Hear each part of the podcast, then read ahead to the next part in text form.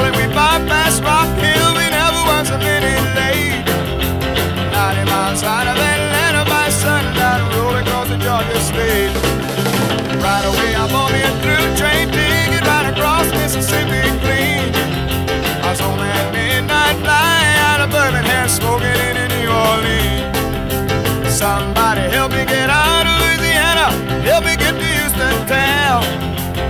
some folks who care a little about me and they won't let the poor boy down. Bueno, lagunok, hemen gaude, e, soinu gela, zuen soinu gela honetan, eta, bueno, bak zue, urrezko kantu bategaz beti azten gara, eta gehien bat, asteroko urrezko kantu hori, aspaldiko abestien art, e, artean, e, hartzen dugu. Baina aste honetan salbuespena dugu, zeren eta Nil Jaunek e, udazken honetan kaleratu duen Colorado diskotik, hortik e, aukeratu egin dugu You Show Me Love e, izeneko kantua.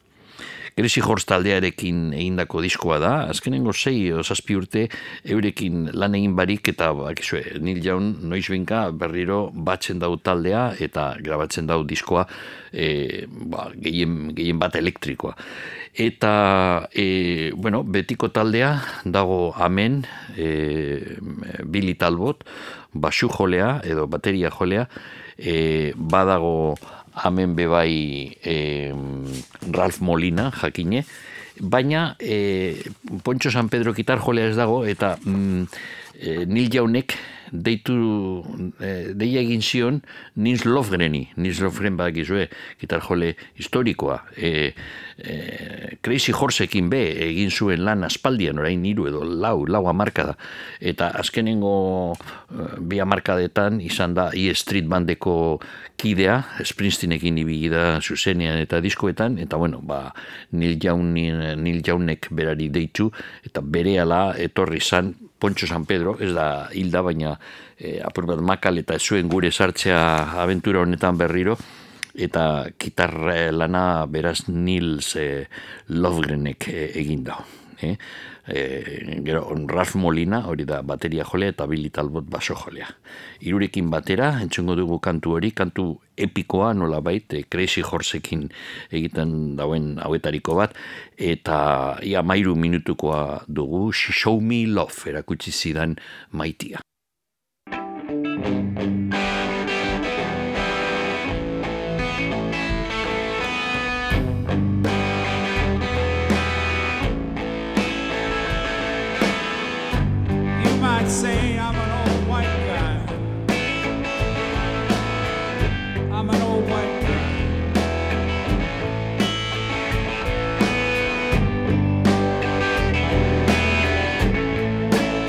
Say that.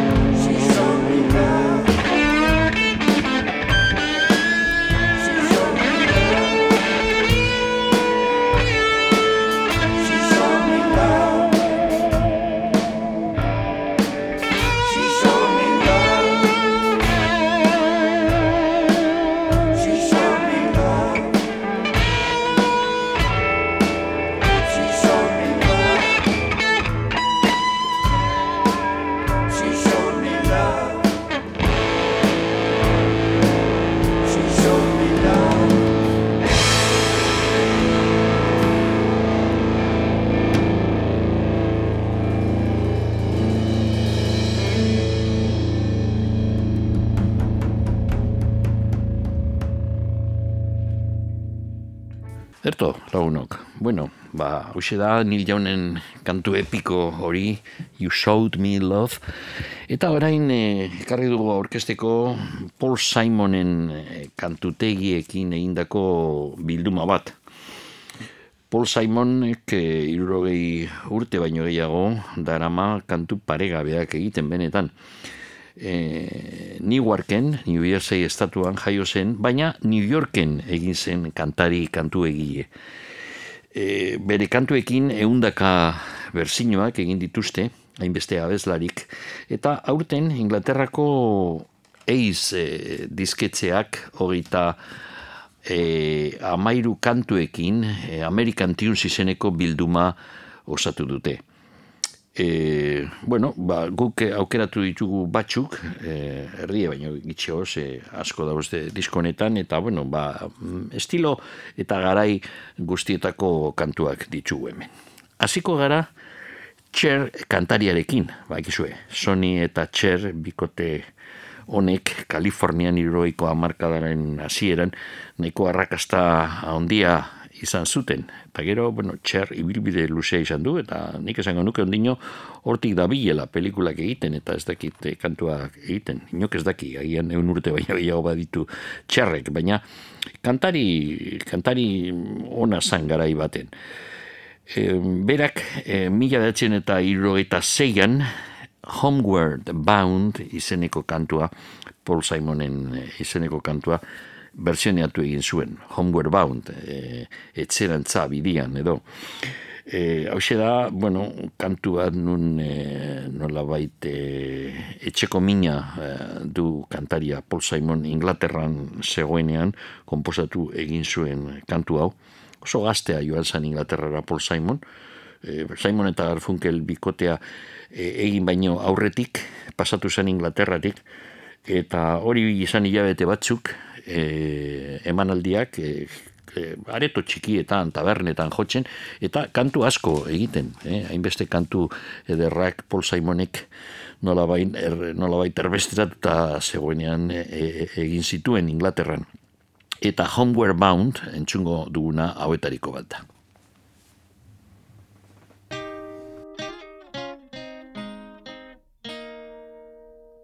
I'm sitting got a ticket for my destination. Mm. On a tour of one night stands, my suitcase and guitar in hand, and every stop is neatly planned for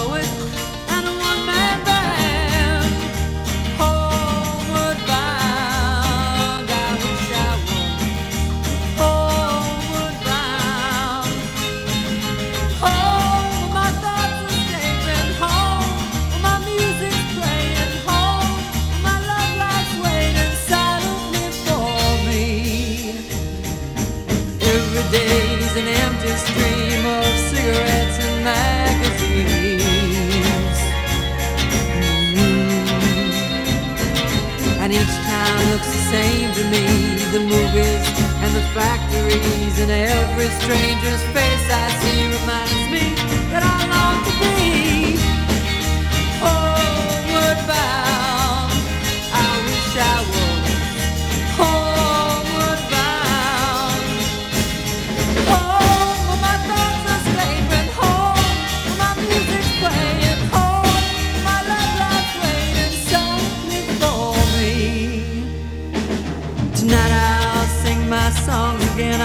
The game and pretend.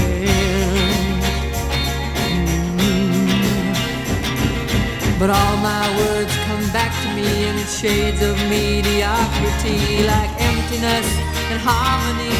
I need someone to comfort me. Homeward bound,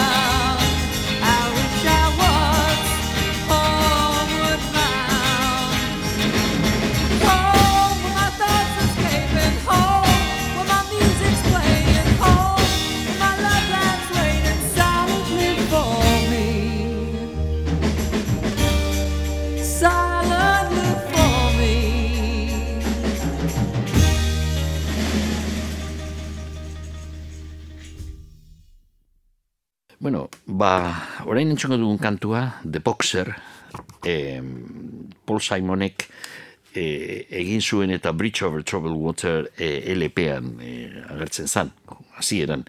Eta izan zan, kantua arrakastatxua, mm, bai estatu batuetan, bai Inglaterran eta inbeste herrialdetan, eh, arrazka, eh, zera, zerrendetan agertzen zan lehenengoko postuetan eta ba, asko entzuten zan kantua. Gainera, eh, Bob Dylanek grabatu egin zuen kantu hau, izan zen, versioneatu zuen lehenengoko kantaria, Bob Dylan. E, kantu, nolabait, autobiografikoa, hemen e, Paul Simonek eh, kontatzen, e, e, digu, pitxin bat bera New Yorkean gaztea zanean zelako, ze, motako bisimodua zuen apur bat e, leku batetik bestera joaten zan e, New Yorkeko kaletatik e, negu hartan eta bueno, bizimodu apur bat e, gogorra zuen e, bakardadearen kontua ere agertzen da kantu honetan, The Boxer. Mila bedatzen eta laro gehian, ze berzio basko dauz, e, politeretariko bat grabatu zuen Emilu Harrisek, hause da entzungo duguna.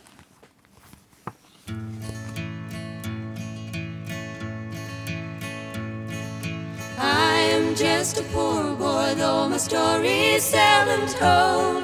I've squandered my existence on a pocket full of mumbles, such are promises. All lies and jest. Tell a man here's what he wants to hear and disregards the rest.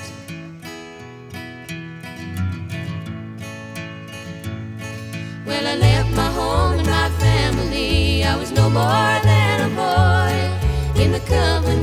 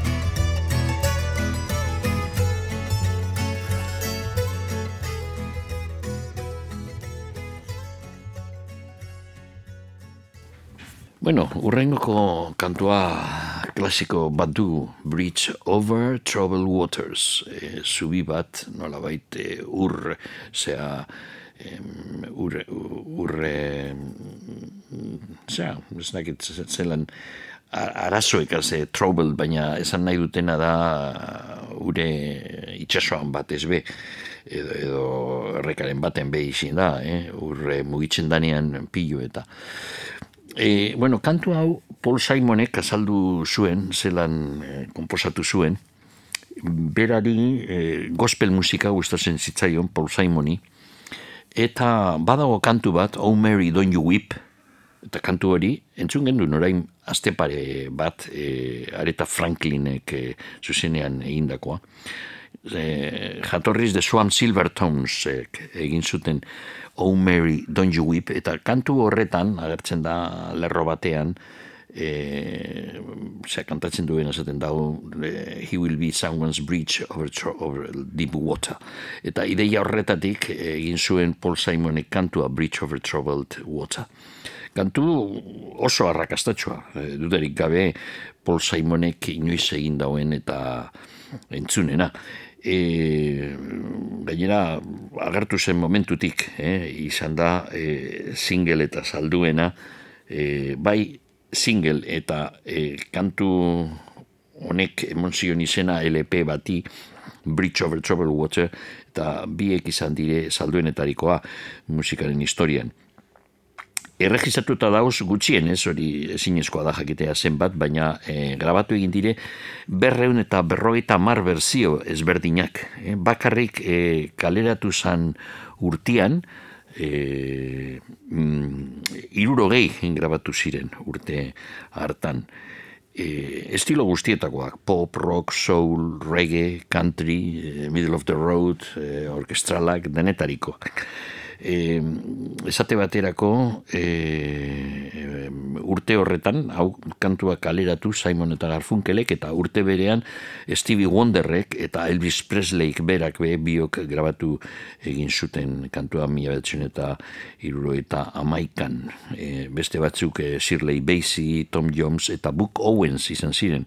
Book Owens kritikatu izan zan, ze country kantari honek esan zion esan zuen apur bat harinago, inoiz ez zuela grabatuko kanturen bat e, euneko eun country ez bazan, eta Bridge the Over Troubled Water, ba, gospel kantu bat zuen e, ikutsua.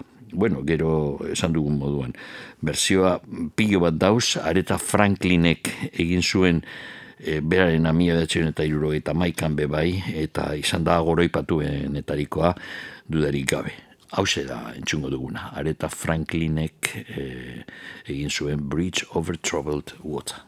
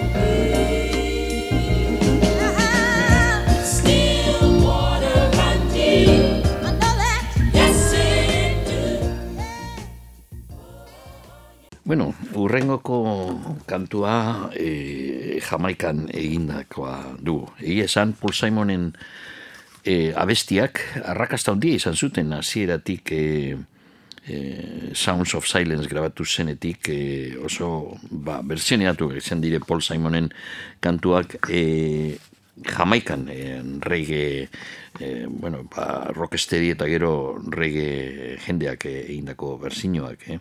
zate baterako Prince Buster e, Jimmy London Cecilia grabatu zuten e, bebai The Maytons e, Bruce Ruffin Ken Lazarus e, kantari ezberdinak eh? Eta bueno, gaur eh, entzungo duguna da The Only Living Boy in New Yorken eh, berzioaren kantua kantuaren berzioa parkatu. E, mm, The Tenors izeneko irukotea grabatu zuten jamaika kantu hau, eta bueno, apur bat aldatu egin zuten e, Weather Report jarri zioten izena kantuari, baina kantu bera da, eta hitzak aldatu, aldatu zuten baina pitxin bat bakarrik. E, kontua da Ronnie Davis The Tenors taldearen kantaria zegoen New Yorken, baizik eta jamaikan, eta referentzia hori pitxin bat aldatu egin zuen emoteko e, zera, kutsu realistagoa kantuari. E, Arthur Duke Reid e, izan zen produktorea, e, eta bueno, ba, e, esan behar duguna da kantaria, Ronnie Davis, e, 2000 eta mazazpian orain urte pare bat e, hilzala. The Tenor zan bere taldea, eta hause da The Only Living Boy in New York, Paul Simonen kantuaren berzioa. Mila bedatzen eta irurogeita mabian grabatu egin zuten.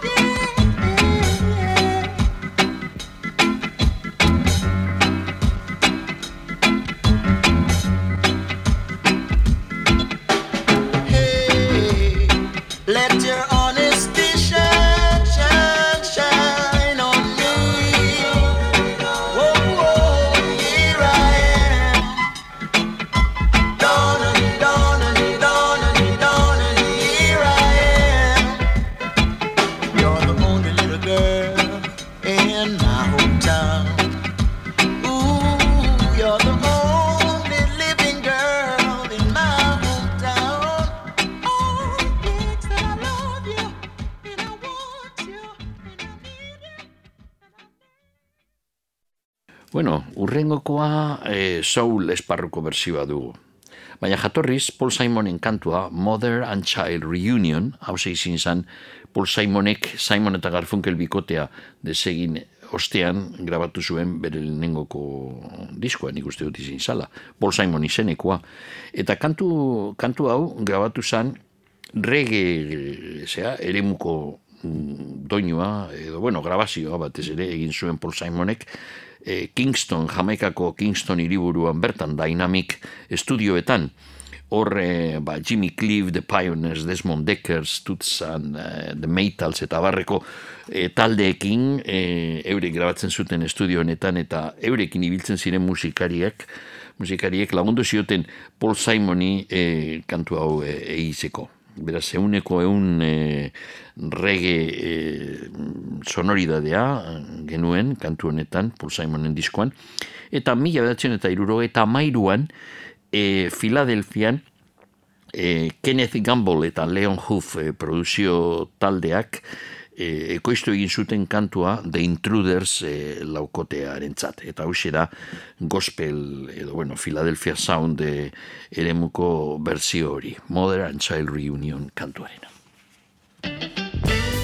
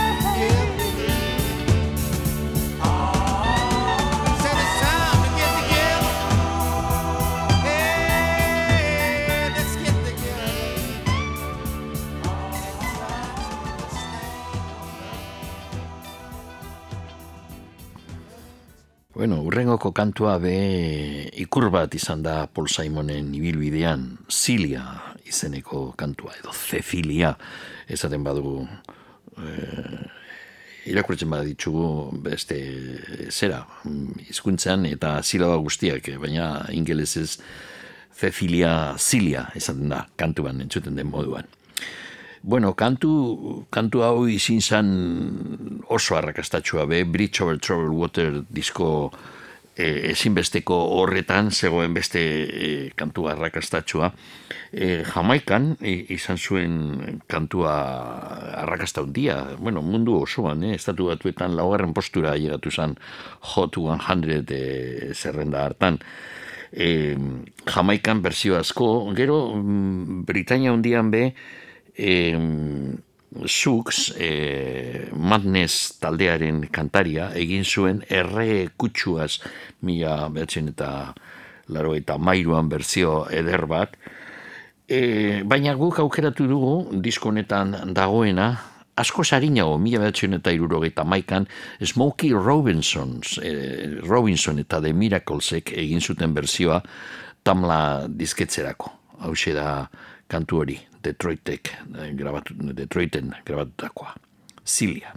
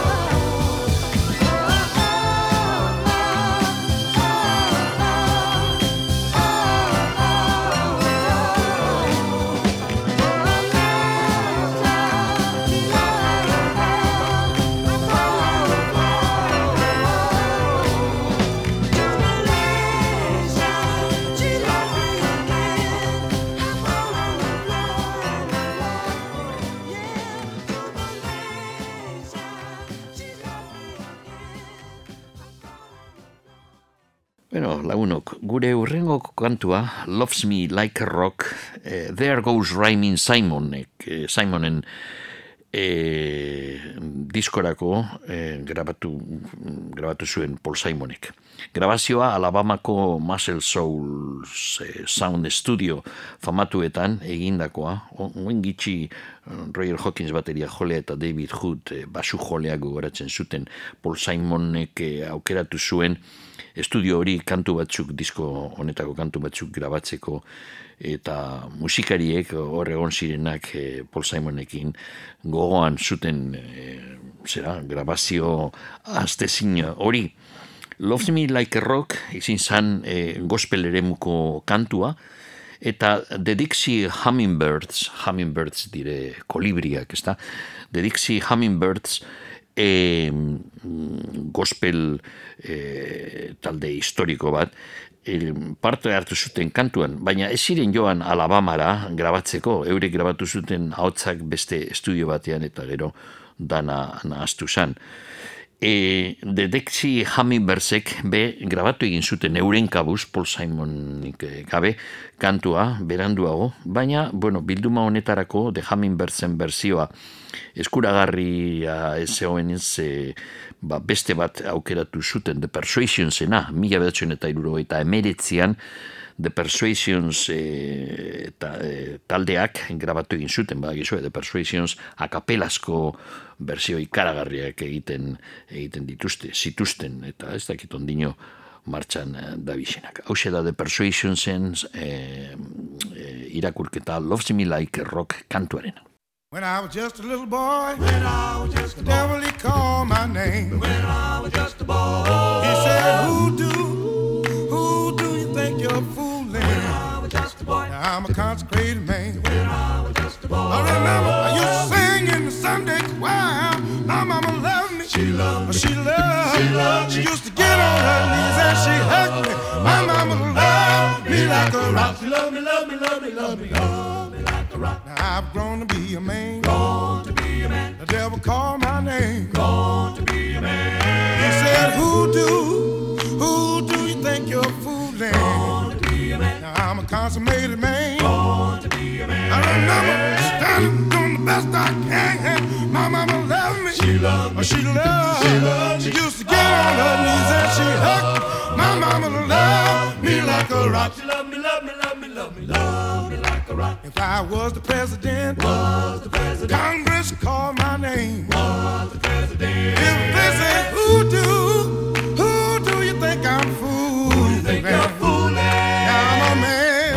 Hey, doing the best I can. Doing the best I can. My mama loved me. She loved me. She loved. She loved. She used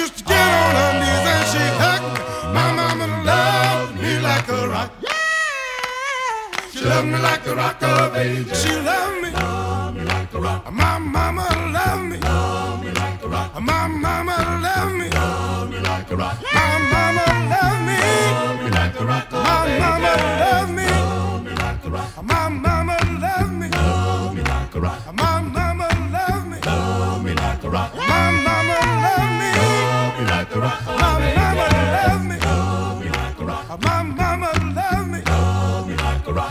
mama loved me. Love me like a rock. My mama loved me. Love me like a rock. My mama loved me. Love me like a rock. My mama loved me. Love me like a rock. My mama loved me. Love me like a rock. My mama loved me. Love me like a rock.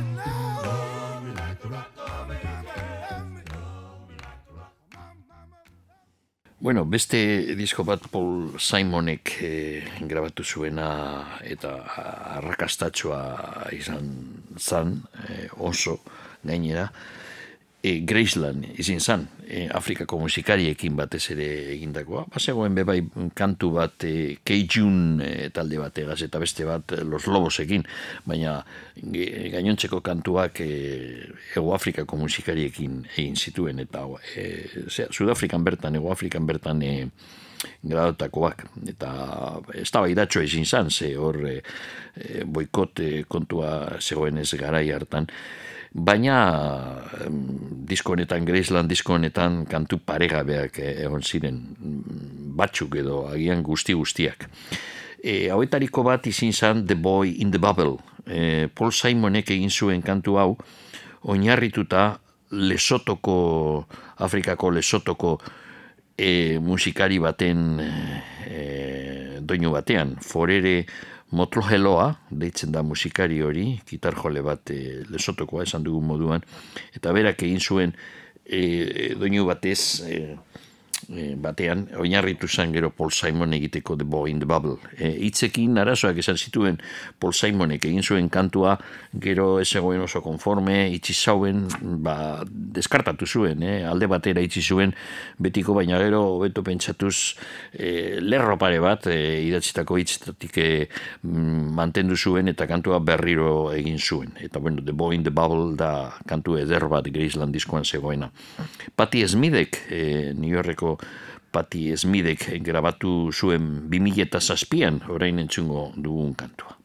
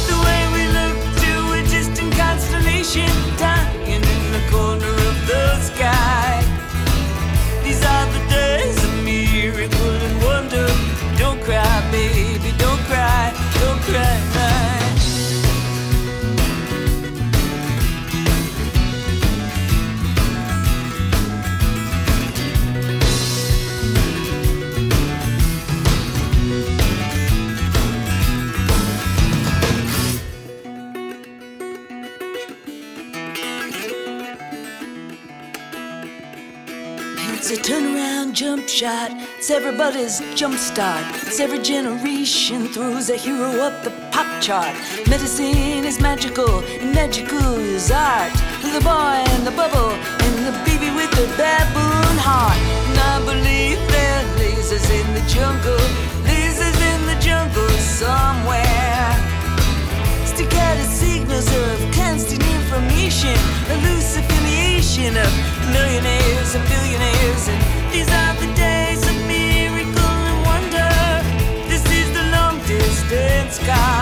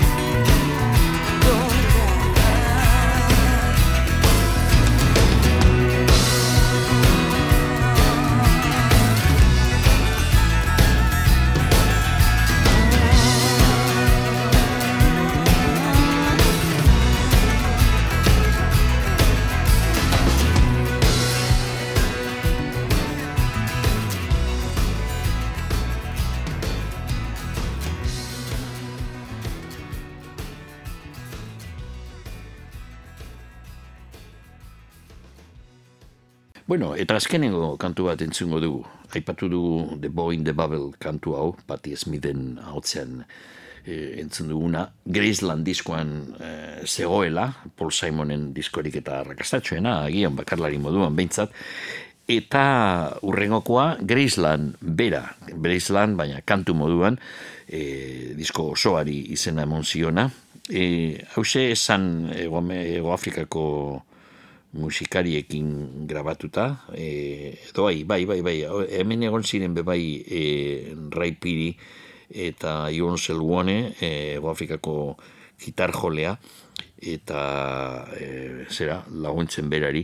Baina kantua ez da oso oinarrituta dago estatu batuetako historien, ez da, The Mississippi Delta, Shining Like National Guitar, berak zijoen e, Mississippiko deltak e, distiratzen, distira zuen e, National Guitar e, baten modua. National Guitar dire, baldak, zo, altzairuzko gitarrak, e, eta berak jarraitzen zuen esaten I'm following the river, eh? Mississippi baiaren e, zea aldean jarraitzen du bideo hori e, zera, mm, gerra zibilaren, estatu batuetako gerra zibilaren zehazkaren zehar. E, kantu, kantu hau, mm, Willie Nelsonek grabatu zuen Across the Borderline diskorako, mila bedatzen eta laro mairuan, eta hau da berzio hori, Grisland kantuarena.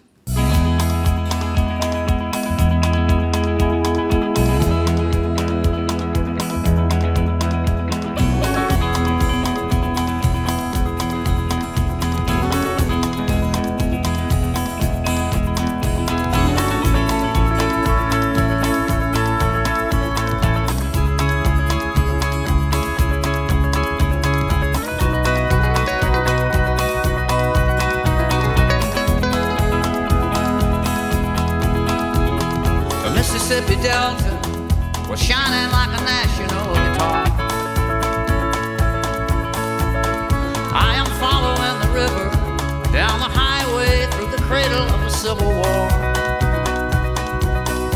I'm going to Graceland, Graceland in Memphis, Tennessee. I'm going to Graceland. Poor boys and pilgrims with families, and we are going to Graceland. My traveling companion is nine years old, the child of my first marriage. But I've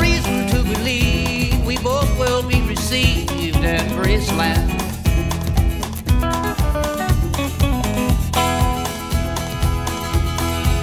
comes back to tell me she's gone. As if I didn't know that, as if I didn't know my own bed. as if I'd never noticed the way she brushed her hair from her forehead. And she said, Losing love is like a window in your heart. Everybody sees you're blown apart. Everybody feels the wind blow. I'm going to Graceland. In Memphis, Tennessee, I'm going to Graceland.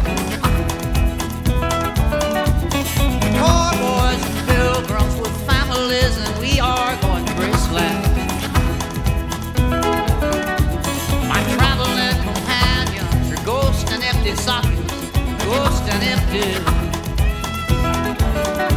But I've reason to believe we all will be received in Graceland.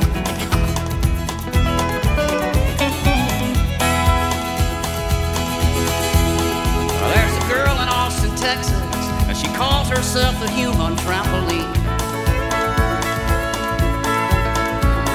Sometimes when I'm falling, flying, tumbling in turmoil, I say this is what she means. She means we're bouncing into Graceland. And I see losing love is like a window in your heart. Everybody sees you're blown apart. Everybody feels the wind blow. And I'm going to Graceland. In Memphis, Tennessee, I'm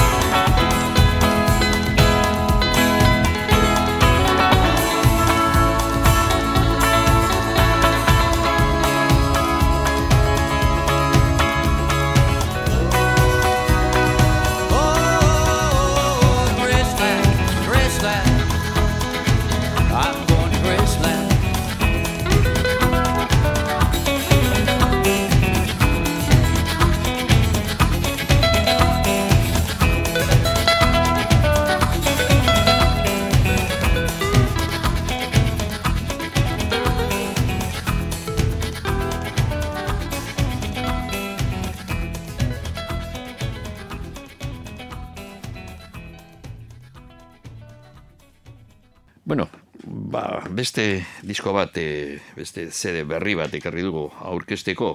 Em, Javier Muguruzaren e, e, geltokiak izarretara izenekoa, disko liburua, e, oso polita, dotorea, e, argitalapena. Hemen dago testu bat, e, Bernardo Atzagak e, idatzi dauena, Bernardo Atzaga aspaldidanik izan dau harreman artistikoa zera mm, Javier, Javierrekin, eta Javierrek e, egin ditu kantuak e, Bernardoren Bernardo Atzagaren e, hitzekin, baita beste irasuaz, e, bebai Bernardoren anaiagaz e, izan da letrista e, e, Javier e, Muguruzaren hainbeste kantuetan. Eta, bueno, ba, proiektu honetarako alfabeto muguruzaren diskoaren zat izeneko testua, idatzi, idatzi zuen Bernardo Atzagak, testu labur bat, e, amen dago, liburuzka honetan, eta gero bebai, diskoan bertan, e, atzagak, baita Javierrek parte hartzen dago irakurketa horretan, e, grabatu egin zuten e, testu hori eta diskoaren amaseigarren track pista e, hor, hor badago diskoaren bukaeran.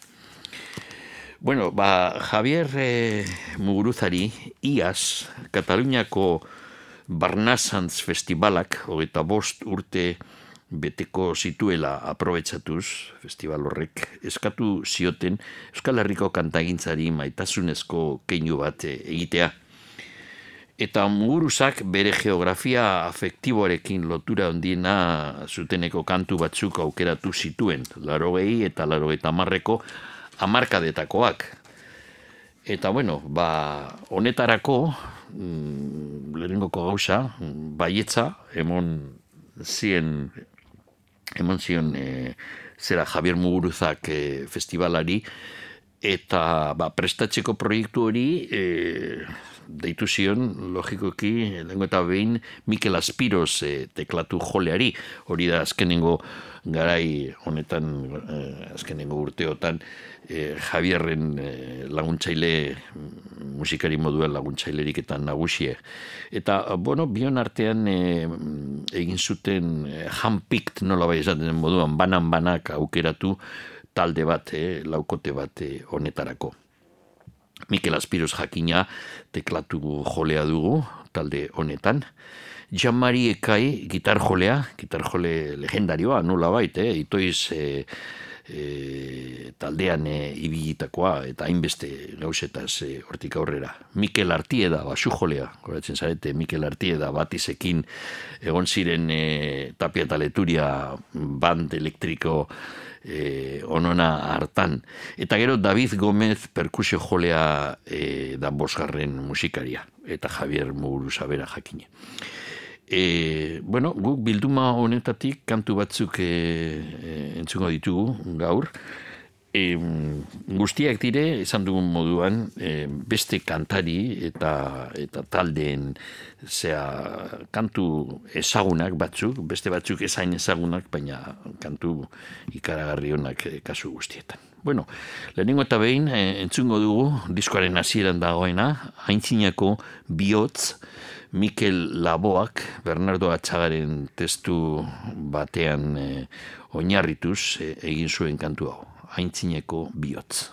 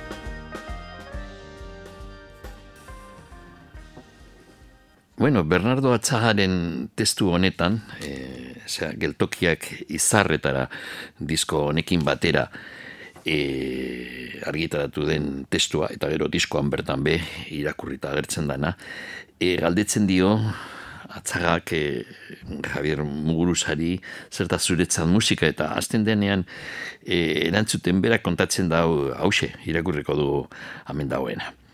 Duela denbora bat kontzertua eman nuen Gironako herri txiki batean, eta hurrengo egunean Roser izeneko bost urteko neskatoak gogoan dut, lehen lerroan eserita, adi-adi, eskolan zera esan zuen bezperan ikusitako kontzertuari buruz.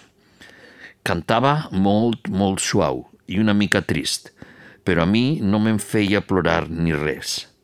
Hoxe da, Fer, eh, Javier Muguruza. Orain entzungo dugun kantua, e, itoizekoa da, Juan Carlos Pérezek aspaldian egindaku kantu eroa izeneko abestia. Hoxe da.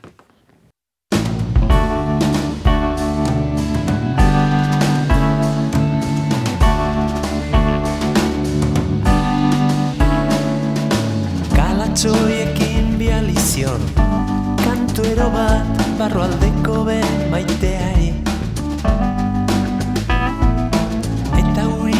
uri ondoengo Basu zaina zerantzun zionarek Tyron, Tyron, Tyron sinking, Tyron sinking, Tyron sinking. Euri ondorengo baso zaiuna Eta geosagu dazkena Aldean egoaizeaz Erantzun zionarek Egoaizeak mundua mugitzek Moten. Eta egon ezina sartu Zen kale parren ateak eta lehioa joka. Eta egon ezina sartu Zen kale parrena kantuero berri baten eske. Tyron, Tyron, Tyron sinking, Tyron sinking, Tyron sinking Euri ondorengo baso zaiura. Eta geosamu dazkena Aldean egoaizeaz Erantzun zionaek Egoaizeak mundua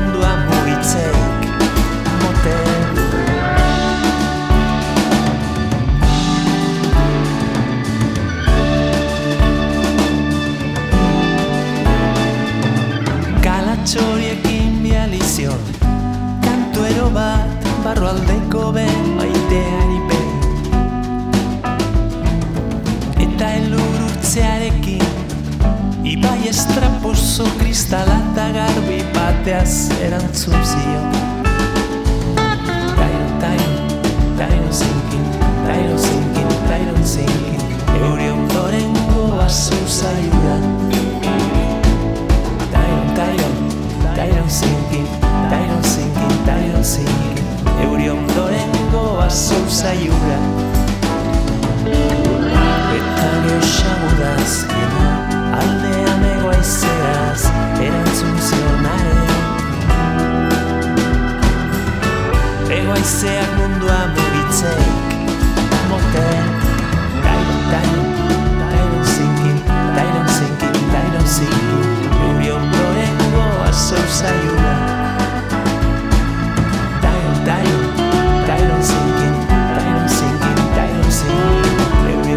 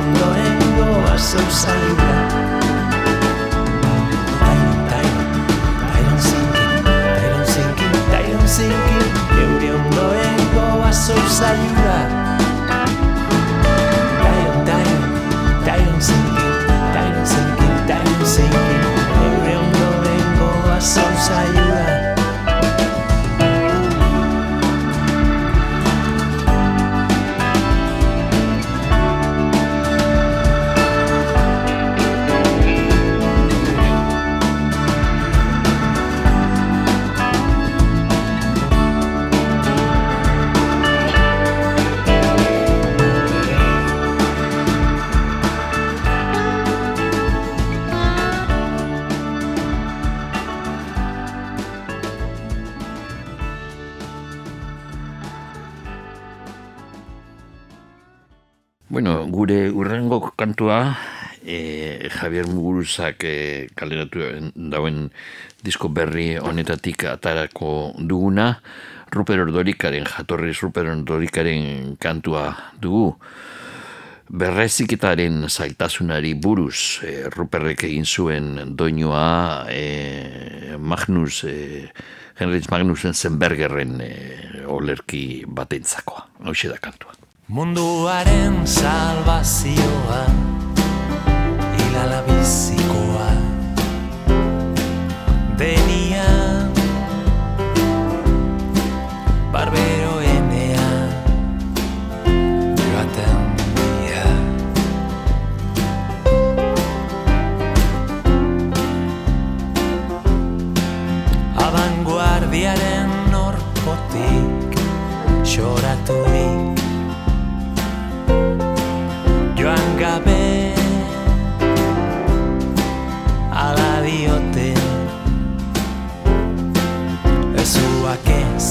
ez zabat gaizki etor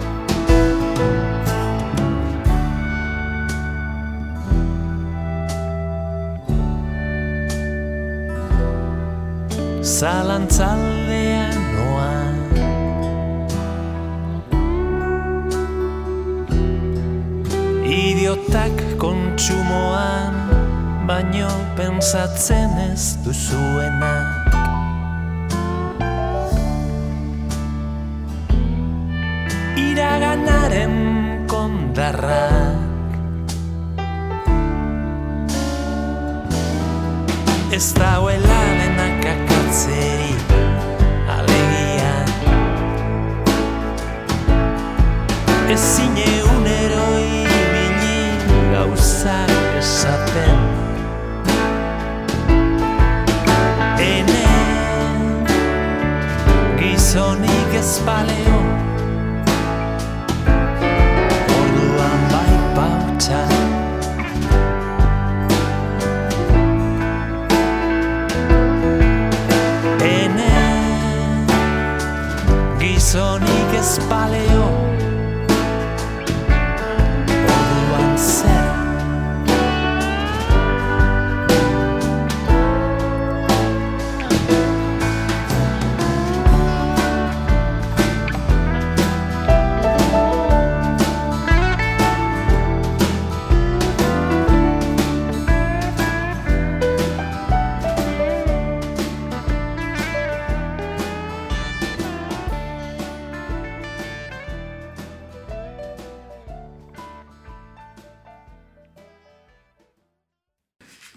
Javier eh, Murusak geltokian e, izarretara e, disko honetan jarri dau inigo muguruzari in memorian, bakizue, inigo hilzan, hain hilabete batzuk eta berak dino paradizu zineman ikusiko gara maitia.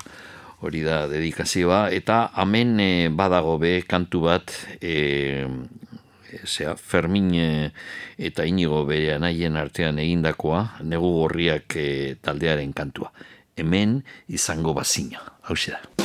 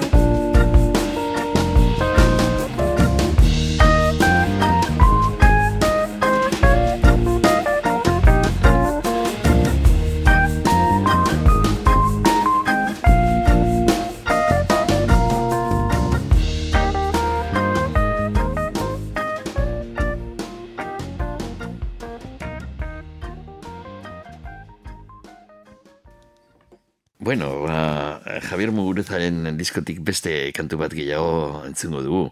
Badauz, e, entzungo ez dizuguna, jakin amabos dauz guztire gariren e, e, Zarra Zara Bilbo, Oskorriren Gaztelu Gatze, Anariren e, Erra Kanta, e, ze gehiago, Javier Muguruza e, zea, autoversioneatzen da e, da, diskonetan mazizio keita denbelek e, kantua dago Benito Lertxundien oilur, oilur Imanolen iunikarak e, Xavier Leteren izarren hautza Urdangarinen badira hiru aste, Iñaki Eizmendiren zu eta zugan, Amaia Zubiriaren estigma beltza, eta entzungo duguna, hause niko etxartena da, beti e, asko maite dugun kantaria, niko etxart, eta hemen dago krokodil e, nikonen kantua.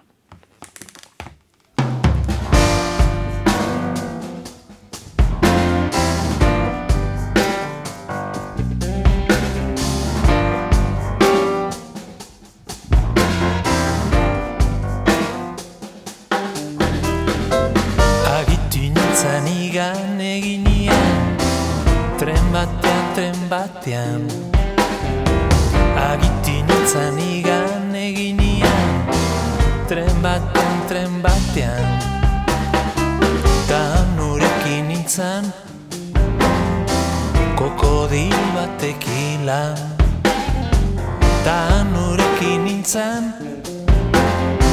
Kokodil batekin.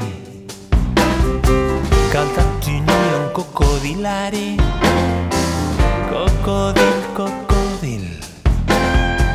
Genezasi biztan lize hori Jargiatik, jargiatik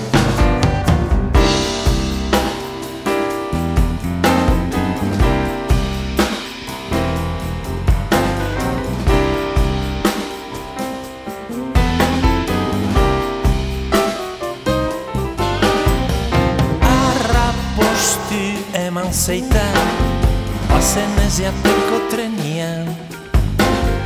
Lotxatzen hasi nintzen Baldirra sartu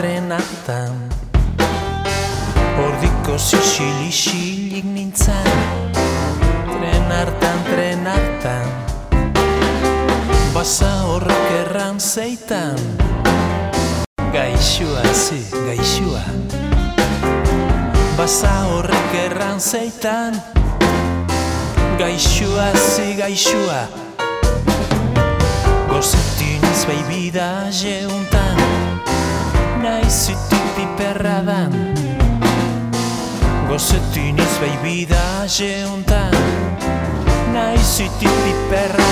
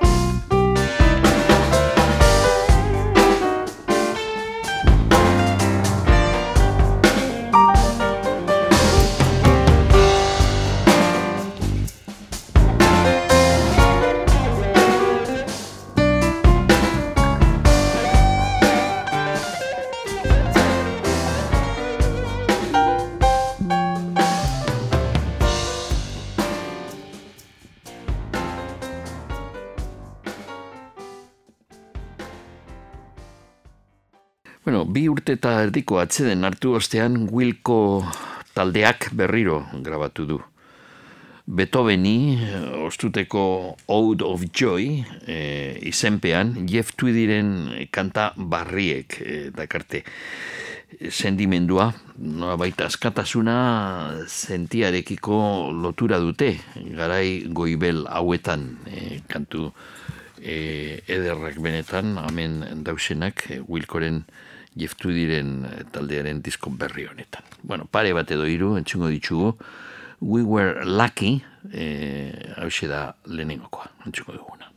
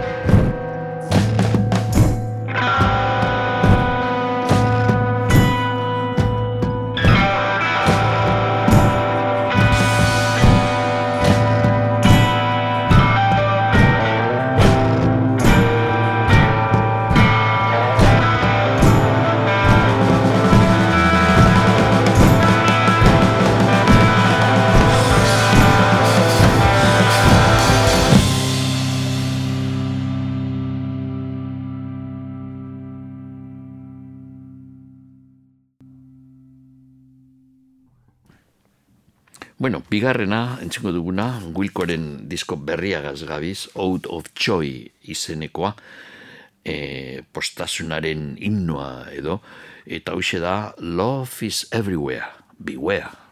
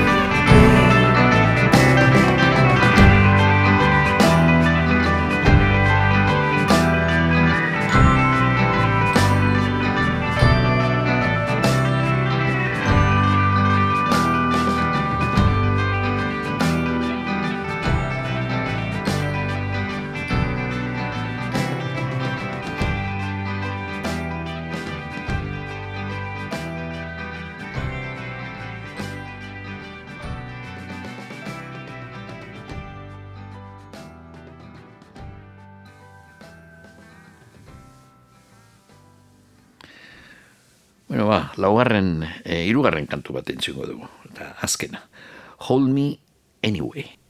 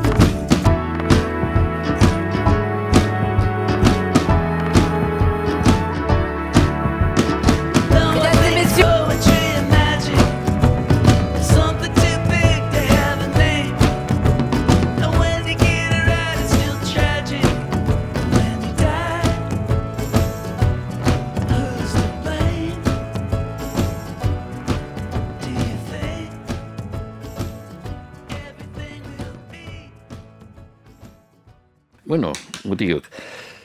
E, azkenengo kantua entzungo dugu. E, gaurko soinu gela honetan. Jim Clarkek The Birds, e, Jim Clark The Birds taldean egon zan garaian.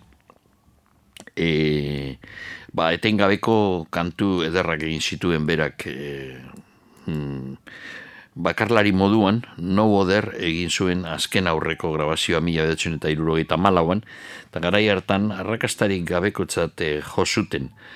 Aurten ber argitaratu dute disko hori eta kutsu psikodelikoa duten kantuak e, goraipatuak izan dire, orain, e, hainbeste urte beranduago, ba, berrogeita bost urte beranduago edo. Entzungo dugu disko honi izena emoten zion kantua. No Other.